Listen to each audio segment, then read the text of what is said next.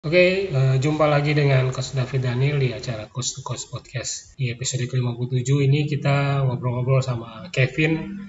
Dia adalah pendiri dari klub futsal Alay Cross ya uh, Kevin ini mahasiswa di Bandung dulu mahasiswa di Bandung dan dia pernah membentuk tim Alay Cross yang kemudian uh, cukup terkenal di Bandung nggak hanya di Bandung di Jakarta di Jogja di Solo di Cirebon pun mereka pernah melakukan atau mengikuti turnamen-turnamen futsal di sana. Istilahnya tandingan tarkam. Nah, sekarang Kevin sudah lulus kuliah dan dia mengelola keuangan.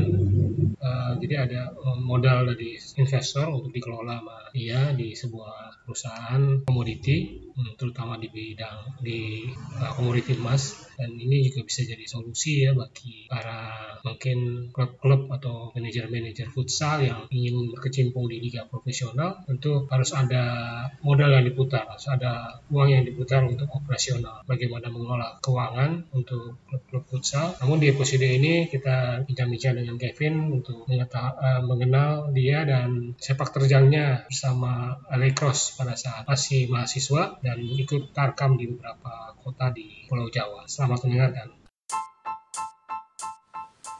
Coach to Coach Podcast adalah sebuah podcast yang isinya tentang olahraga futsal yang dimainkan di dalam ruangan empat pemain dan satu kiper.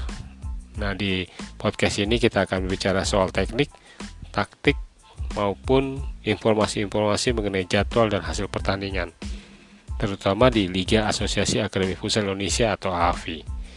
Nah, kita akan menampilkan juga narasumber-narasumber dari berbagai uh, tempat dan pelatih-pelatih yang berkualitas. Semoga obrolan ini bermanfaat bagi pemirsa. Selamat mendengarkan.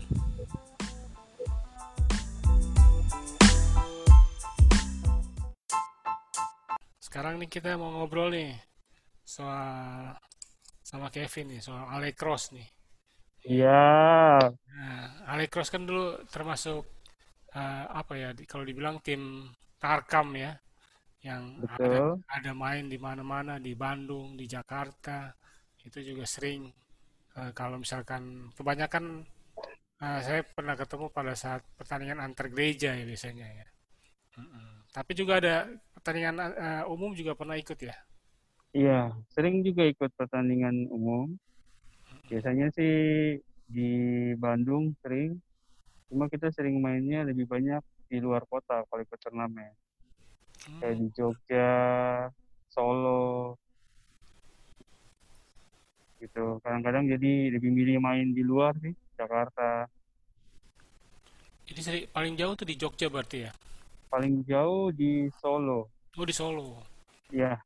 Solo tuh event apa tuh waktu itu? Uh, umum. Uh, pertandingan apa ya lupa kayak uh, antar-antar klub-klub yang punya nama.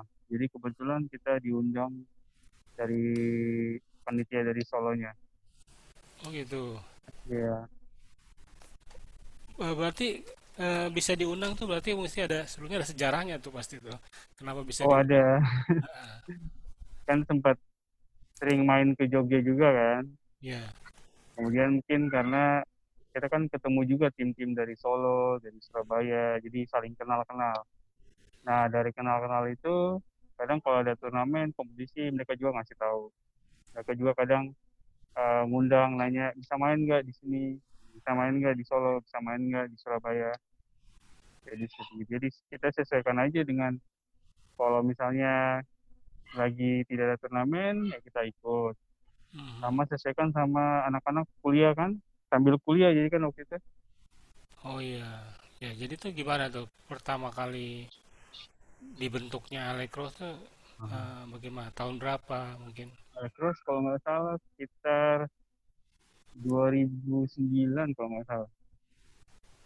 Jadi 2009 2009 gitu kita ngebentuk karena waktu itu kita ada turnamen di kampus itu di Unpad jadi kita ada turnamen di kampus di Unpad terus kebanyakan kita karena kita anak-anak beasiswa dari Indonesia Timur hmm. jadi dari Papua semua digabung jadi satu Jadi kita putusin ya udah kita bikin tim aja sendiri, kita coba. Karena kan semua juga suka dengan sepak bola.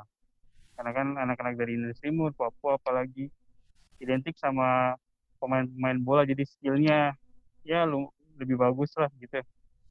Nah jadi kita ikut turnamen dan kebetulan kita menang. Nah jadinya berlanjut deh. Iya. Gitu. Ya ta- sejak tahun 2009 ya kumpul. Iya. Eh, pertama kali itu berapa berapa orang tuh yang kumpul tuh yang yang misalnya jadi Waktu lah. pertama kali itu ada sekitar 12-13 orang. Jadi emang kita eh, karena kebetulan kita semua di Jatinangor, di Bandung tapi di Jatinangor jadi di antara Sumedang dan Bandung. Jadi kan kita sering ngumpul juga karena kan sama-sama satu beasiswa.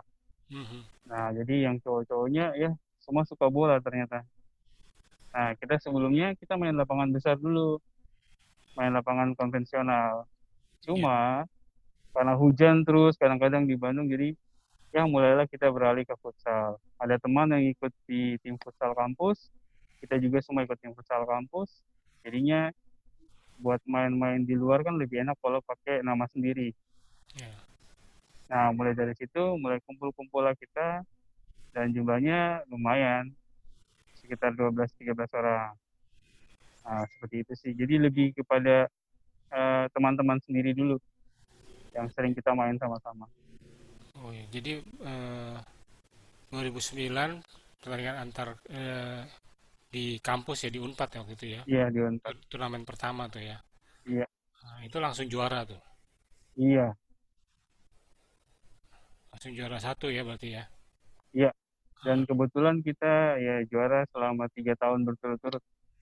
Berturut-turut. Iya, jadi langsung kan, eh, jadi kita perebutkan piala ada, jadi ada piala bergilir. Iya. Jadi kalau sudah tiga kali menang kan harus jadi milik yang juara. Nah kita kejar itu itu. Oh, gitu. Iya, Dan eh, pemainnya semua dari Indonesia Timur, maksudnya dari anak-anak yang ya anak-anak beasiswa, anak Indonesia Timur awalnya. Nah nanti teman-teman mereka semua masing-masing bawa teman-temannya mereka dari kampus, teman-teman mainnya mereka. Jadi makin beraneka ragam. Oke, iya. Nah, setelah dari turnamen di yang di Unpad itu, kemudian eh, pastinya mungkin diajak lah oleh yang tim yang lain ya, ikut turnamen-turnamen lain di luar, di luar Betul. event itu. Nah, kalau di Bandung sini kan tuh banyak tuh ya tim-tim futsal waktu itu. Betul. Nah, itu ada ada event lagi ya lain yang kayak yang bergengsi gitu yang pernah diikuti oleh Alecross gitu. Eh, ada beberapa sih, ada lebih dari lima deh biasanya. Kita sering ikut turnamen karena pokoknya kita prinsipnya ada event kita ikut mau menang mau kalah tidak masalah. Buat kita prinsipnya dulu kalau kalah itu biasa, Mhm. Menang itu luar biasa. Karena kita kan namanya juga baru, jadi kita banyak mencoba. Jadi ikut ikut ikut, nah makin karena sering ikut, jadi kita banyak kenal pemain-pemain dari Bandung, yang pemain-pemain pro-nya, pemain-pemain liganya. Nah, mulai dari situ, nah, mulai terbentuklah siapa-siapa yang skillnya kelihatan. Dan juga kan kita masih tim di kampus juga, dan sering juga kayak main tanding antar kampus, pertandingan kampus kan kayak gitu. Iya. Nah, kalau pertandingan-pertandingan besar, ya kayak Jarum Super, kebanyakan sih pertandingan besarnya itu lebih ke pertandingan kayak ulang tahun lapangan futsalnya. Oh gitu. Nah, kita sering disuruh ikutan. Iya, iya. Nah, terus kemudian sempat main di Jakarta ya waktu itu ya. Yap, benar. Itu itu yang paling berkesan tuh. pertama kali di mana tuh waktu itu? Pertama kali main di Jakarta. Hmm, kalau nggak salah di eh, oh, apa namanya? di Kelapa Gading. Kelapa Gading. Oh Betul. iya. Ah, iya dulu kan masih ada ah, AXC ya, futsal AXC. Iya, iya, pernah kita sempat Ah, main. Kelapa Gading. Manet futsal ya di situ ya. Ya, Heeh. Itu eh, gimana Ya prestasinya? prestasinya kurang sampai belum sampai semifinal. Karena untuk pertama kalinya main di Jakarta, terus main di pertandingan umum. Hmm. Jadi baru ngerasain tuh, uh Jakarta ternyata kayak gini. ternyata emang persaingannya berat. Apalagi kalau teknik main kita pasti sudah kalah. Tapi kalau skill ya bisa diadu. Ketemu tim siapa waktu itu waktu itu? Kalau tim sendiri, Oh, jadi main dengan nama Alex Rostam. Alikros ya. Nah, yang waktu kan kita ketemu pas tanding antar gereja itu ya, Betul, yang di Bulungan tuh. Bulungan itu. Nah, itu eh itu kan juga wa- waktu itu gimana eh, masuk final ya kalau nggak salah ya. Ya, kita masuk final sebelum akhirnya kalah sama yang juaranya. Beda berapa ya? 5-3 apa 6-3 skornya. Juaranya dari mana waktu itu ya lupa. Yang timnya Pata bukan? timnas, yang kapten timnas itu, Kapten timnas. dia punya tim. Oh, lupa ya, antar gereja gereja Iya, mana. antar gereja. Iya, lupa juga gereja. Nah, Tapi itu itu yang paling berkesan sih. Itu yang buka kita punya banyak eh, pemain bisa banyak dilihat gitu. Oh ini eh, bukan ketemu sama ini ya Joshua ya. Joshua tim bukan ya? Yang top scorer. Iya eh, kan ada tim Joshua si Nardo Nardo bukan? Bukan, Nardo kita kan kalahin Nardo mereka. Oh berarti ada ya kayak waktu itu mungkin Ada satunya. Masih muda-muda. banyak juga event di di ini ya antar Jadi gereja. waktu itu ya waktu itu kan eventnya yang dari kementerian kan. Hmm gitu iya iya. Ya, yang di Bulungan itu. Dari Menpora dia ngadain turnamen. Terus kebetulan kita karena eh, kadang kita suka ngelihat-ngelihat turnamen-turnamen apa yang mau kita ikuti juga di luar kota. Eh, kebetulan ada turnamen Men- Kementerian Olahraga itu, jadi ya udah kita cobain. Dan kalau nggak salah kita satu-satunya dari luar deh. Jadi rada-rada, tapi rada-rada menakutkan. Dari luar datang main dan tahu kenal kalau turnamen antar gereja itu pasti eh, masyarakat apalagi timur semua ya keras sama keras. Iya. Ada dua kalau nggak orang dari timur kalau nggak dari dari Medan. Iya, itu dia. Dua dua ini aja dua daerah itu aja yang paling paling apa banyak ya untuk Betul. Tapi itu turnamen yang paling banyak membuka jalan. buka jalan tuh maksudnya gimana tuh? Jadi dari turnamen itu kita banyak kenal orang-orang yang berkecimpung di futsal di Jakarta. Mhm. Kemudian eh, para pemain-pemain yang emang sudah pro itu lebih banyak kita kenal di Jakarta. Dan mungkin ketika itu kita agak sedikit dikenal karena waktu itu kan kita sempat semifinal berkelahi. Ya, Iya, yang sampai dihentikan itu sampai hari saat ini semua iya, iya, harus iya. diungsikan dan kemudian ketika final kita main dan itu kita juara dua. Terus kemudian yang berkesan oh saya jadi pemain terbaik tapi top scorer tim lain. Itu sih yang ngebuka. Iya. jadi orang mulai mungkin yang di antar gereja mulai ngelihat tuh kalau di luar Jakarta ada pemain-pemain dari anak-anak gereja yang punya kualitas yang bisa bersaing di Jakarta Nah, waktu itu tuh siapa saja tuh pemainnya? Masih eh ada saya, Vin, terus ada Angga, Angga kiper. eh iya Angga kiper kita, Oh, Angga, iya, iya. Iya. Angga Putra Marpaung tuh pasti. Putra Marpaung, benar. Ah, Bunda David harus ngobrol sama dia. iya, iya. dia Sekarang paling main, sering. sekarang main game terus kayaknya dia. Nggak ada, belum ketemu sih kalau pas Belum ketemu Jakarta. ya. Belum. Oh, ada Alex, ada Alfred, eh, kemudian ada Enrico juga, kebetulan waktu itu masih main jadi cadangannya kita. Enrico Nathanael itu. Iya, iya, iya. Kemudian ada Ceni, Ceni Petrusika. Iya, Jenny ya. Eh, kemudian sama ada beberapa teman-teman yang orang dari luar gitu yang baru-baru jadi kan kita kadang datang kalau ada anak-anak baru yang ikut latihan sama kita kadang kita ya udah ikut-ikutan aja nggak apa-apa jadi sambil ada mentalnya dia tahu pertandingan di luar kayak gimana di Bandung kayak gimana jadi bisa dicoba. Oh, Angga, Angga itu berarti usianya masih pada saat ikut SMA ya, enggak atau? Enggak enggak kuliah tapi baru-baru masuk. Baru-baru masuk ya? Karena hmm, setelah, itu dia Angga ikut sama Spirit waktu itu. Ya turnamen ant- U21 kalau nggak salah. Iya. betul. Nah, kalau selain eh, event itu di Jakarta ada lagi yang event yang diikuti ada beberapa kelme kemudian eh, pertandingan-pertandingan umum eh, kayak di Bogor sempat sempat ke Bogor terus sekarang di Jakarta Barat. Jadi kayak ada turnamen-turnamen kecil Mhm. yang kebetulan waktu itu teman kita kenal ya udah kita ikutan jadi nanti dia juga ikut main Oh, gitu. Nah, gitu jadi berarti kayak sekalian pulang kampung Iya, iya. Berarti itu ya, apa? Nah, itu untuk misalkan kayak ke Jakarta itu.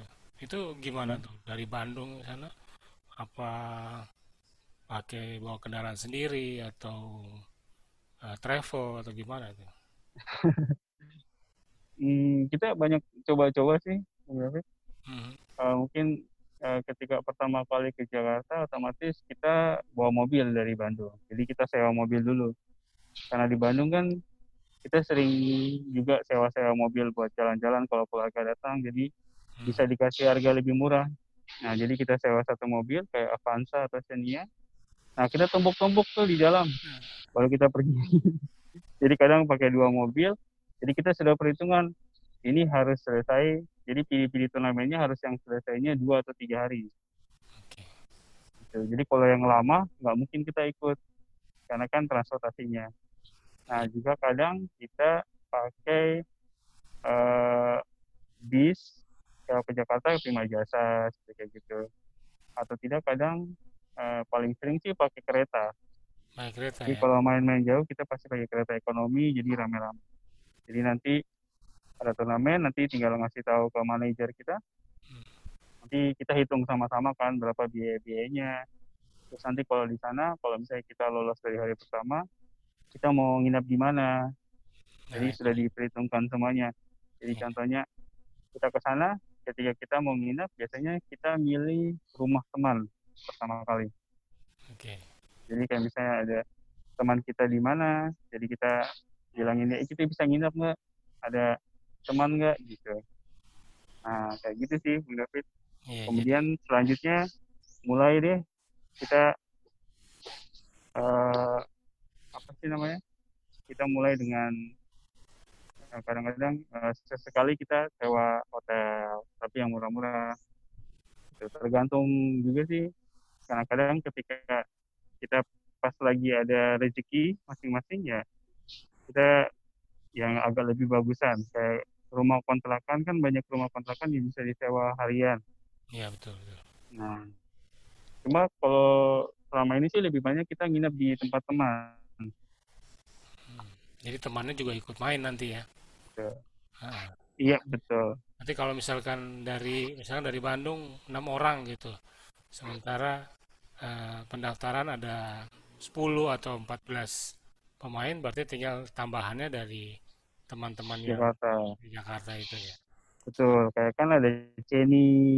Jadi kadang kita nginap juga di Ceni kan? Oh, ada di, terus di Jakarta ya. ada kayak iya.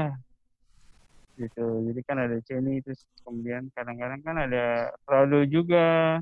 Gitu Rado. ada Nobel iya ada Nobel. Jadi ya setelah kita punya teman-teman baru ya kadang kalau kita main ke Jakarta ya kita usahakan kita nginap dulu di mereka Oke gitu ya. gitu Hmm, Jadi jadi eh, lebih ke keluargaannya lebih dekat ya semua ya. betul. Nah, ngomong-ngomong soal uh, Alley Cross itu ya. Nah, ini boleh tahu tuh asal muasal nama itu gimana? Alex eh, apa ya dari komik sih kalau nggak ini kan kebetulan kan waktu itu eh, kita bikin tapi belum ini belum tahu mau pakai nama apa ya Mhm. nah kemudian jadinya baca-baca komik gitu komik apa aku lupa tentang bola lah Nah, kemudian kita akhirnya cari komik bola, baca-baca, eh ternyata ada nama apa sih namanya? Eh, Nama tim gitu. kayak bukan nama tim, kayak eh, tipe main, Pemain. permainan di sepak bola. Jadi dia kayak kirim bola dari pinggir ke tengah Oh, gitu. gitu. Jadi kayak di cross kan. Nah, namanya itu alley cross. Alley cross. Ya, tipenya gitu. Jadi kayak bawa bola langsung dari sayap langsung dikirim ke tengah. Oh, gitu ya. Jadi umpan Betul. silang gitu ya. Kayak umpan Iya, betul. Nah, itu jadi asal mua, ah, muasalnya alley cross itu nama ya. Mm-mm. Oke, jadi kita ngerti nih sekarang eh, kenapa tuh eh, dikasih nama alley cross ya. Ya, dari situ dari komik sebenarnya dan ketika lihat ininya kan wah menarik nih. Hmm. Namanya kan lucu juga. Nah, jadinya ya udah pilih.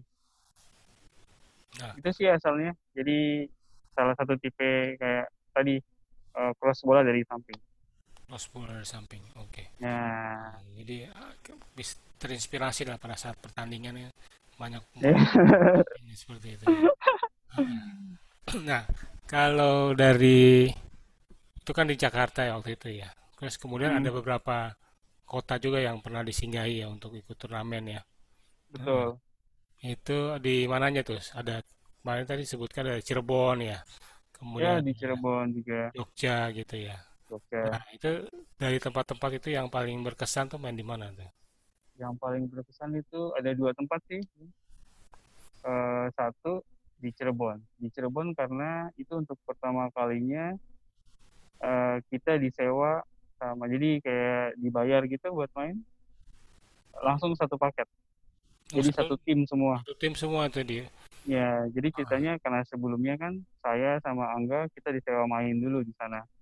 Hmm. Nah, kebetulan kita bikin dia langsung jadi juara dua kalau nggak salah itu final. Jadi kemudian ada turnamen selanjutnya.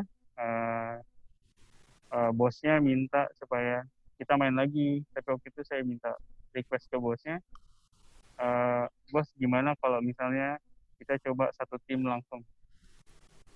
Nah ternyata eh, benar diterima sama dia. Jadi ya kita datang benar-benar satu tim.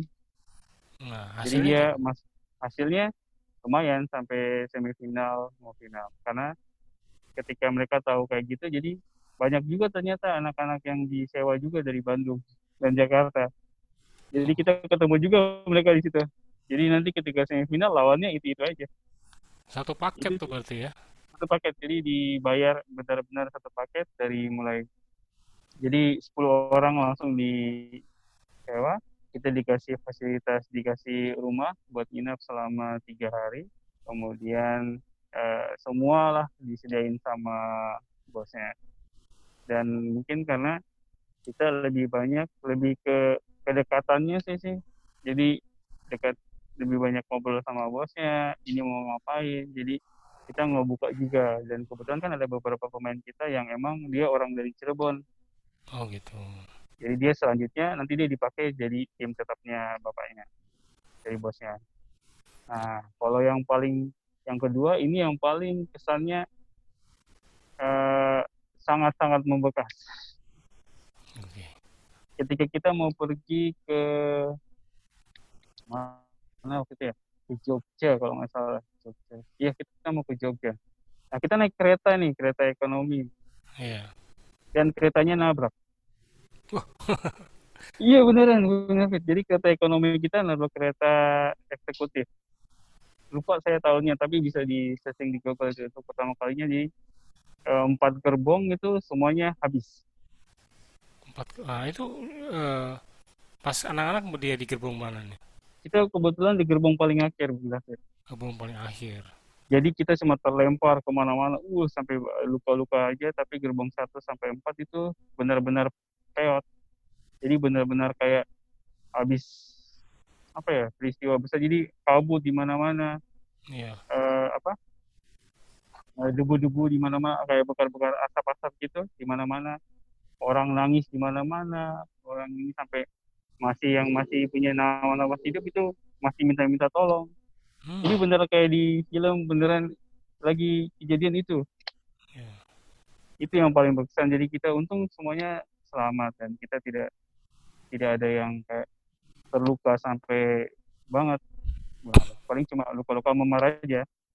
Karena ini benar kereta ekonomi kita mau ke Jogja terus ada kereta dari Jogja yang mau ke sini juga. Jadi di tengah-tengah dia nabraknya. Oh, jadi tabrakannya ini ya, eh, muka sama muka ya? Iya benar. Wah, bahaya Itu. sekali ya gitu. Iya, untung puji Tuhan, Tuhan masih sayang kita semua. Hmm. Nah, kita turun, Mhm. ya Bung David kita turun, terus kan mulailah, kita kan bawa juga teman-teman manajer yang cewek, mulailah mereka beberapa nangis-nangis, karena apa ya, jadi teringat kayak pesan orang tua, kita pergi ke Bandung itu buat kuliah, bukan buat main-main. Iya. Jadinya ya udah kita berusaha gimana ya sama-sama pegangan tangan, yang penting kita Iya. jalan, kita minggir dulu sambil lihat. Jadi kayak bikin trauma jadinya. Iya. Nah, Nah, akhirnya tuh kemudian eh, jadi berangkat, jadi meneruskan perjalanan atau kembali? nah jadinya kita sama-sama kita ngobrol. Sebagian besar sih mendingan kita lanjut karena sudah tanggung. Tapi sebagian juga yang masih trauma kan. Nanti Iya. pulangnya gimana? Lain kereta lagi pasti takut juga. Betul, Jadi betul. kita mutusin buat kita balik lagi ke Bandung. Dan kita bikin perjanjian tidak boleh diceritain ke siapa pun sampai kita lulus kuliah. Karena kalau ketahuan sama orang tua otomatis kita pasti disuruh pulang, dihentikan, dimarahin. Karena gitu kan sudah itu sedikit lagi itu. Di, di Untung di daerah gerbang paling akhir. di daerah mana itu kalau ingat nggak? Aduh, Udah sa- udah masuk udah sampai ke Jogjanya atau masih belum, tengah-tengah? masih sebelum masih di tengah-tengah kayaknya antara mau ke Jawa-Jawa Tengah gitu deh. Hmm. apa gitu daerah-daerah situ. Heboh itu Bung David, benar-benar itu yang paling berkesan.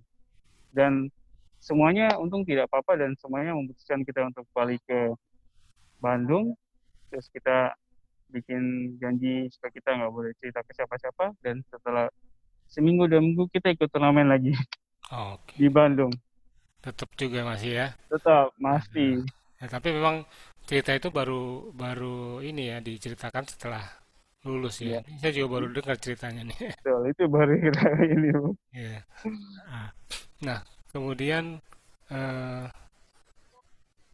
sekarang anak-anak masih ngumpul atau gimana? Atau udah kebetulan kan karena kita masing-masing udah pada selesai kuliah juga jadi banyak yang pulang kampung balik ke Papua ada yang balik ke Ambon ada yang balik ke Medan ada yang balik ke Toraja jadi ke tempat masing-masingnya mereka buat mungkin kerja lagi jadi ketika itu ya kita sudah mulai kurang komunikasi oke. gitu. Jadi mungkin kadang-kadang kita masih suka membicarakan kapan kita reunian lagi, kapan kita kumpul lagi, seperti kayak gitu. Iya, iya betul. Dan sempat waktu itu kan kita eh, kumpul, tapi tidak semua. Nah kita waktu itu eh, ada mau ikut turnamen juga setelah selepas kita masing-masing sudah keluar-keluar. Jadi buat kita eh, kumpul-kumpul lagi.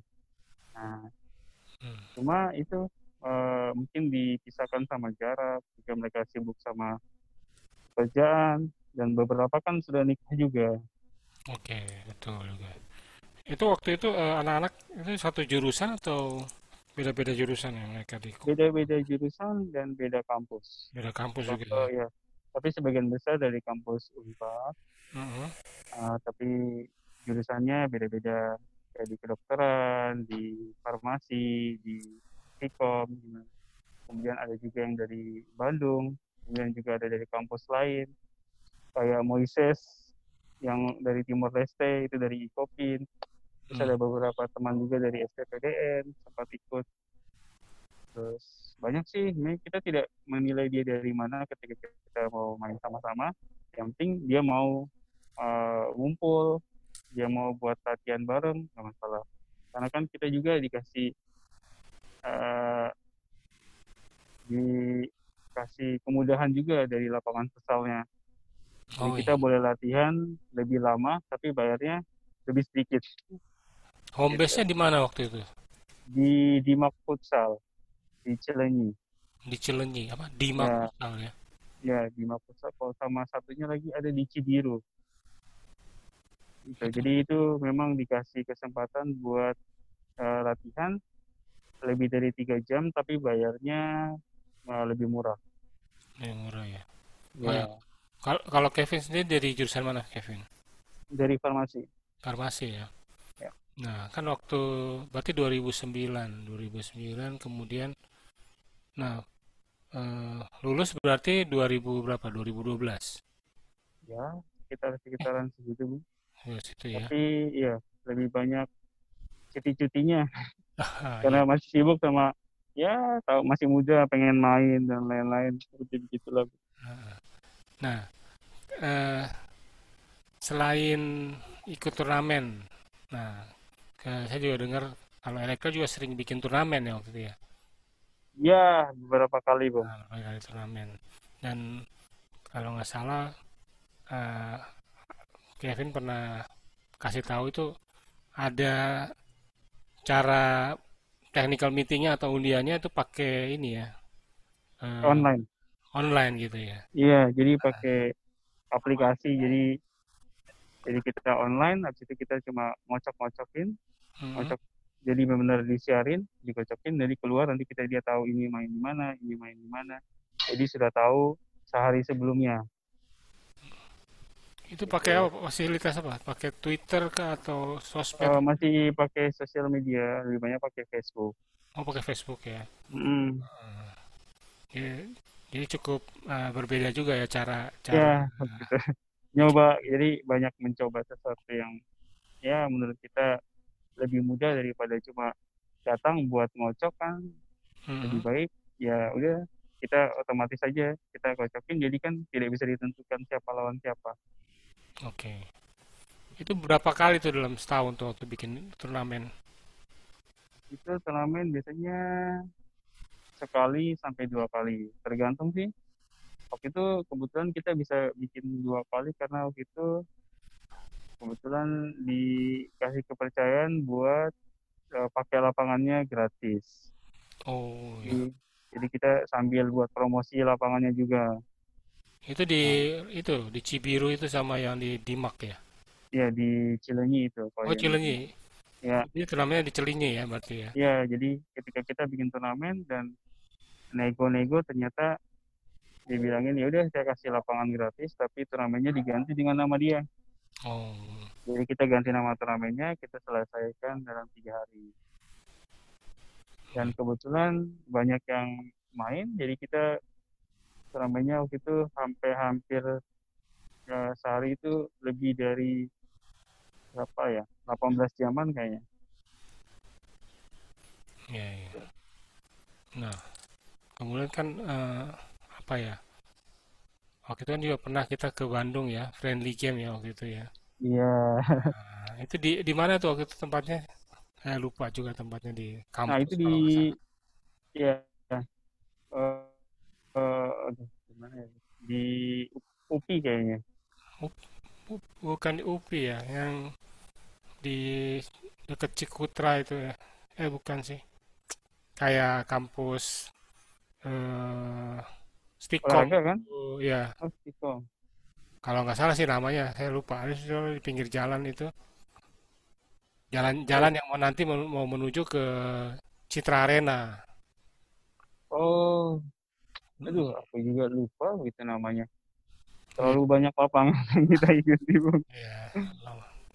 Nah, kemudian dari pemain-pemain yang ikut nih, ada nggak yang kemudian melanjutin jadi pemain profesional gitu atau di liga amatir gitu? Oh, Atau ada beberapa. Ada Angga tadi yang Bung sebutin. Mhm. Ada Angga Marpaung. Kemudian ada eh, Alex Breskadit kan main dari kampus. Ah, Buat turnamen antar turnamen kampus nasional. Kemudian ada saya main juga sampai ke Jakarta. kemudian ada Moises itu main di timnas 23 sepak bolanya Timor Leste Oh, ya dia pemain lapangan besar karena dia dulu di uh, Persib Persib dua Persib 23 kalau nggak salah dia main dari Persib juga kemudian ada Aulia kiper kita yang ngelatih Angga dia Hmm. main pro Aulia itu siapa? Eh, Sandi Aulia bukan? iya Aulia eh bukan Aulia Rahman kiper Aulia Rahman. iya dia kiper terus kalau sekarang banyak yang lebih milih jadi pelatih Iya iya iya. ya masih seperti gitu bang. Iya, iya sih. Emang pilihannya setelah main kemudian eh, jadi pelatih lah kalau nggak kalau misalkan ya yang penting masih berkecimpung di dunia futsal itu yang betul. Hmm, hmm, hmm. karena sebetulnya kita masing-masing kita pernah ngomong kita punya cita-cita sih Hmm, impian. Kita pengen punya akademi futsal. Hmm, Hmm, tapi sampai sekarang belum terrealisasi. Kemarin sempat waktu saya pulang ke Papua, pengen mulai. Cuma ya agak ribet dengan pekerjaan, agak susah juga dengan siapa yang mau ngurusin. Jadi emang itu salah satu impian kita, kita pengen punya eh, akademi futsal. Jadi dia lebih kepada mencari anak-anak muda, bakat-bakat muda, kemudian dari SD sampai SMP. Jadi kita latih, kita kasih beasiswa iya, biar dia bisa sekolah dengan lebih baik. Dan nantinya dia bisa lari ke SSB ataupun dia bisa lari ke main pro. Jadi kita bisa buka jalannya. Nah, hmm, kebetulan ada beberapa anak dari Ale kelas 3 yang akhirnya main di Persib Junior. hmm. Main di Persib Junior ya. ya main di Persib Junior, juga dia di main di futsal langsung dari Bandung. Jadi dulu kita ketika mau mau bikinnya saya mutusin buat kenapa nggak kita ambil anak-anak yang kecil kita ikut mainkan sama yang besar? Oke, jadi waktu itu tim Malekros di jadi beraneka ragam karena ada anak SMP yang ikut main sama kita. Oke, gitu. Ya, jadi emang dilatih benar-benar dari SMP dengan latihan seperti latihan kita latihan iya, orang dari sana yang saling memang keras ya udah keras. Jadi udah dibentuk dia mentalnya pelan-pelan. Nah itu memang eh, ada rencana itu mau bikin akademi itu di di Bandung atau mungkin di Papua? itu rencananya sih di Bandung. Oh di Bandung. ya cuma kan belum terrealisasi karena kita ya sibuk dengan dunia pekerjaan dunia di luar kampus lebih ya menyita banyak waktu. Jadinya ketika mau bikin di sini terhalang. Ketika mau bikin ketika kita banyak waktu itu ketika saya pulang ke Papua banyak teman-teman juga yang lagi pulang lagi kerja. Mau bikin eh ternyata sibuk dengan kerja jadi tidak bisa tercapai. Dan sekarang di Jakarta ya mungkin siapa tahu ke depannya. Iya betul. Nah eh, kalau sekarang nih berarti udah nggak nggak di dunia futsal lagi ya? ya sudah lama vakum di dunia futsal Karena eh, profesi apa sekarang Kevin? profesi sekarang konsultan Konsultan bisnis ya di bidang jasa ya, di bidang jasa keuangan jasa keuangan. Oke. So, Eh, ini jasa keuangannya di perbankan atau eh, dunia investasi atau gimana? jadi eh, di dunia investasi kebetulan kantor saya kantor jasa keuangan kantornya di Sudirman Plaza Mhm. gitu jadi ada perusahaan namanya KPF dia 78 dia untuk menyediakan jasa buat transaksi online Transaksi mungkin online. di saham di forex ataupun di gold dan banyak juga produk-produk lainnya Oke, itu ya. Berarti investasi eh, istilahnya lebih banyak untuk eh, memainkan ininya ya, apa? Men, apa sih istilahnya dana dana yang orang yang punya dana lebih ya kemudian diputar seperti itu ya. ya dikelola jadi Kelola istilahnya gitu ya. dikelola dikelolanya di perdagangan berjangka jadi kita kelola di perdagangan komoditi yang paling terkenal itu misalnya sering pernah dengar forex Mhm. nah itu kan mata uang. Kita juga punya produk di komoditi lain kayak di emas. Kemudian ada juga saham-saham besar-besar yang ada di Jepang di Hong Kong. Dan emang buat sekarang eh, ke depannya mungkin 10 tahunan 15 tahun 20 tahun lagi bakal eh, perdagangan itu lebih ke online-nya. Gitu ya. jadi orang bakal lari semua ke online. Jadi sekarang ke depannya segala sesuatu bisa kita dapatkan dengan jari Oke. Iya. Berarti eh, prospeknya gimana tuh kalau untuk menurut Kevin lah ya, prospeknya untuk di dunia yang sekarang untuk investasi itu eh, seperti apa ya? kalau prospek di dunia investasi sangat terbuka luas dan bakal terus berkembang karena menurut saya apalagi masa-masa yang kita kayak sekarang covid eh, eh, dunia usaha semua lagi sedang jatuh itu usaha online itu paling sangat sangat sangat berkembang nah eh, sebagai contohnya eh, contohnya dari Gojek Grab dulu hanya kecil tapi sekarang menjadi sangat besar Nah, itu pun bakal terjadi dari eh, segi di transaksi online atau kita kenal dengan trading online. dari online? Nah, trading online kalau di dunia luar kayak di Cina itu sudah jadi makanan sehari-hari, bahkan pembantu pun sudah bisa trading sekarang, jual beli saham gitu. Karena emang diharuskan sama pemerintahnya untuk trading karena eh, diperkirakan masa depan itu nanti semuanya ada di perdagangan lewat media online. Jadi kita bisa beli segala sesuatu, contohnya kita bisa beli online sekarang. Nah, sekarang saham-saham, eh, emas, komoditi, perak, semua mata uang pun kita bisa beli lewat online. Nah, Jadi kalau mau tanya ininya ke depannya, ini bakal merajai nantinya. Nah, gitu. Tapi mungkin sampai sekarang, mungkin harus lebih pintar-pintar lagi memilih karena tidak semuanya jelas, tidak semuanya legal. Jadi memang harus kita ngelihat dulu ini perusahaannya dari tahun berapa, kemudian dia ada legalitas dari pemerintah apa enggak, jaminannya kayak gimana. Nah, ketika jaminannya semuanya jelas, ya berarti kita bisa untuk mencoba memulainya. Iya. Kalau saran saya sih mulainya dari yang kecil aja dulu. Tuh. Iya. Nanti ketika sudah bisa, kita punya dana yang lebih, ya kita mulai dengan yang besar-besar. Misalnya Iya. kayak di, kita pakai perusahaan saya, Hmm. gitu. Iya. Karena kan di dunia investasi itu orang bilang tuh high risk, high, high gain, high risk ya. Ya, Iya. jadi profitnya tinggi, untungnya tinggi, risikonya juga tinggi. Risikonya juga tinggi. Jadi harus pintar-pintar memilih perusahaan atau namanya broker yang bisa meminimalkan risikonya. Iya. Jadi kalau bisnis tanpa ada risiko itu tidak mungkin. Itu bohong berarti. Semua bisnis pasti ada ruginya. Tinggal gimana caranya kita cerdas dan kita eh, baik untuk mengaturnya agar risikonya tidak terlalu berlebihan.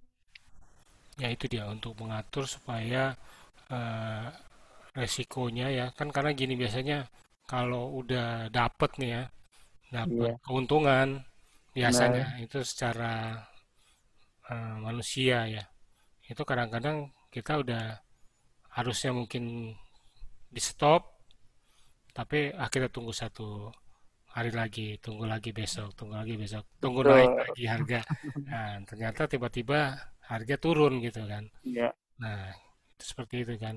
Itu kayaknya ada ada tipsnya nggak gitu biasanya sama tips buat kalau lagi transaksi ah, cara menghindarkan. Eh, yang pertama harus paham kalau ini kita harus ngebedain antara eh, kita mau investasi atau kita mau gambling. hmm, Kalau kita mau investasi, otomatis kita harus ikut planning secara bertahap. Mulai dari transaksi cukup satu kali, perlahan-lahan kita tingkatin jadi dua kali. ya, Kemudian eh, dari investasi dari dana yang ada, eh, kita pergunakan seminimal mungkin. Gitu.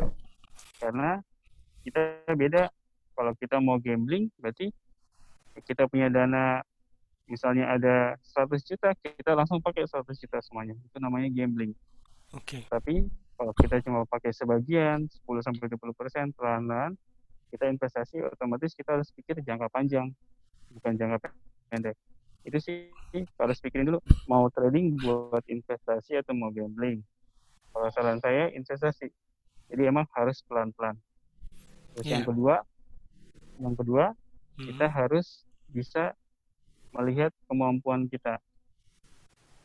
Misalnya kita punya dana ada 500 juta, eh tapi 200 jutanya itu untuk kebutuhan paling buat keluarga kita. Ya jangan dipakai semua. Jadi harus paham dan harus sadar kita mampunya seberapa banyak.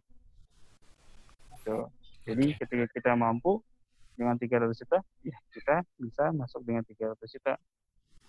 Ya. Ya, walaupun banyak banget yang eh, iming-iming dengan profit besar, profit seperti begini, tapi tetap harus paham kalau trading itu yang paling penting salah satunya adalah ketahanan dana atau disebut jaminan. Gitu. Jadi kalau kita masih punya jaminan yang mencukupi, ya kita bisalah untuk lebih ngambil banyak untung. Ya. Oke, jadi itu tadi ya. Ada Iya. plannya ya, ada perencanaan. Kemudian eh, lihat kemampuan kita juga. Heeh, karena kan kalau eh, tadi Kevin pernah sempat bilang tadi ada plan satu hari satu kali trading seperti itu ya. Betul, itu namanya trading by open atau kita cuma transaksi satu kali ketika pasar buka. Nah, itu kan kadang-kadang itu a- agak susah ya untuk penerapannya ya. Betul. Rasanya kan.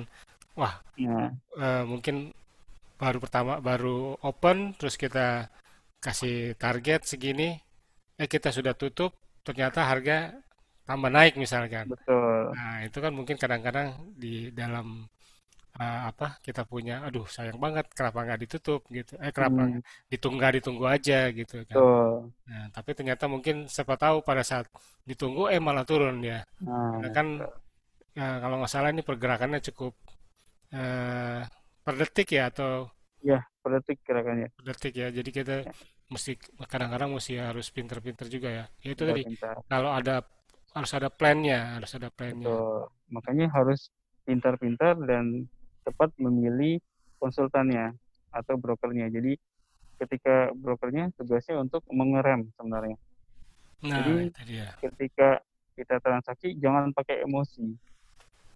Nah, itu tugas seorang konsultannya. Jadi gimana caranya dia bisa ngerem emosi dari nasabahnya atau kliennya. Gitu. Walaupun emang itu kadang-kadang jadi satu eh, apa ya namanya sesuatu yang buat kita jadi eh greget banget nih bisa ngambil lebih dari bisa dapat untung lebih dari 5-6 juta dalam sehari tapi ini ternyata kita memilih buat dapat untung 1 sampai 2 juta aja. Nah, Nah, jadi itu pintar-pintarnya dia memilih konsultannya dan konsultannya harus bisa cermat dan tepat untuk memberikan alasan yang tepat kepada nasabahnya. Nah, kalau sudah punya eh, konsultan seperti itu dijamin pasti tahan lama. iya, menarik nih pembicaraannya menarik. Ya, tapi mungkin eh, kita mungkin eh, sampai di situ dulu stop dulu ya. Boleh. Nah, nanti kita mungkin bisa sambung lagi ya dengan dengan apa eh, tema yang lain ya. Ya, heeh, karena kan eh, kayaknya sih menarik nih kalau misalkan eh, digabungkan antara futsal juga dengan dunia investasi ya. Ya kan karena kan kita tahu di futsal ini juga kalau yang khususnya yang pro ya, klub-klub pro itu biayanya cukup tinggi ya, biaya cukup tinggi. Iya, Nah, seperti tadi itu, jadi perlu ada modal di luar dari eh, apa modal operasional, tapi ada ada modal lain yang di luar operasional yang bisa sebagai istilahnya untuk jaga-jaga deh, ya, ya, karena bisa aja dalam pada saat mengarungi kompetisi ada hal-hal lain yang mungkin eh, bisa terjadi ya kayak sekarang nih, misalkan nih ini ada liga di grup B itu masih ada satu kompetisi lagi, satu seri lagi yang harus dilakukan. Tapi karena ada pandemi COVID-19 ini, yang harusnya di bulan Maret itu ditunda sampai nggak tahu sampai kapan. Tentunya kan pasti karena ditunda biaya membengkak dong ya. Ada betul biaya pemain membengkak, biaya apa latihan seperti itu dan persiapan-persiapan lain jadi terganggu seperti itu. Nah mungkin nanti betul eh, di lain waktu dan kesempatan kita bisa ngobrol nih soal apa dunia boleh boleh. investasi dengan dengan futsal nih ya. Gimana caranya? Jadi namanya manajemen keuangan sebuah klub futsal sebenarnya Bung ya oke benar. Manajemen keuangan untuk klub futsal bagaimana mengelola eh, keuangan untuk klub-klub futsal seperti itu ya ya nah itu jadi harus memang punya plan keuangan Mm-mm. bukan cuma pikir buat satu sampai dua musim tapi harus bisa berpikir buat lebih dari yang ditargetin. Misalnya buat tiga tahun ke depan.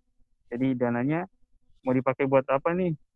Gitu. Jadi kan ketika punya dana berlebih, biasanya kan kita simpan aja kan di bank ya betul gitu. Jadi bisa mungkin kita yang tadi dana yang kita tiba-tiba itu kita pisahkan sedikit dan kita coba mana nih sektor mana nih yang bisa diputar dananya. Jadi yang penting bisa menghasilkan dan bisa memberikan eh, sedikit bantuan buat menggerakkan kembali. itu bisa jadi satu tema yang baru tuh nanti yang kita bisa ngobrolin ya Boleh, Bung. Nah, boleh Kita bisa bahas lebih dalam lagi. ya Gimana trik-triknya, benar gimana nih ya dari dana yang cuma misalnya ada dana 1 2 M kita bisa berubah menjadi bertambah misalnya jadi dua setengah M 3 M dan bisa buat jadi keuntungan juga buat sebagai investornya kan? Ya betul. Karena kan tidak mungkin dia bisa hidup cuma dari merchandise dari hadiah dari penonton ya mungkin bisa jadi salah satu sektor baru buat penghasilan juga buat juga bagus juga kalau buat di laporan tahunannya investornya sebenarnya. Ya Oke, kita balik lagi oke ke bung ke Alecross ya. Kita balik lagi ke Alecross. oke bung Nah, sekarang untuk eh,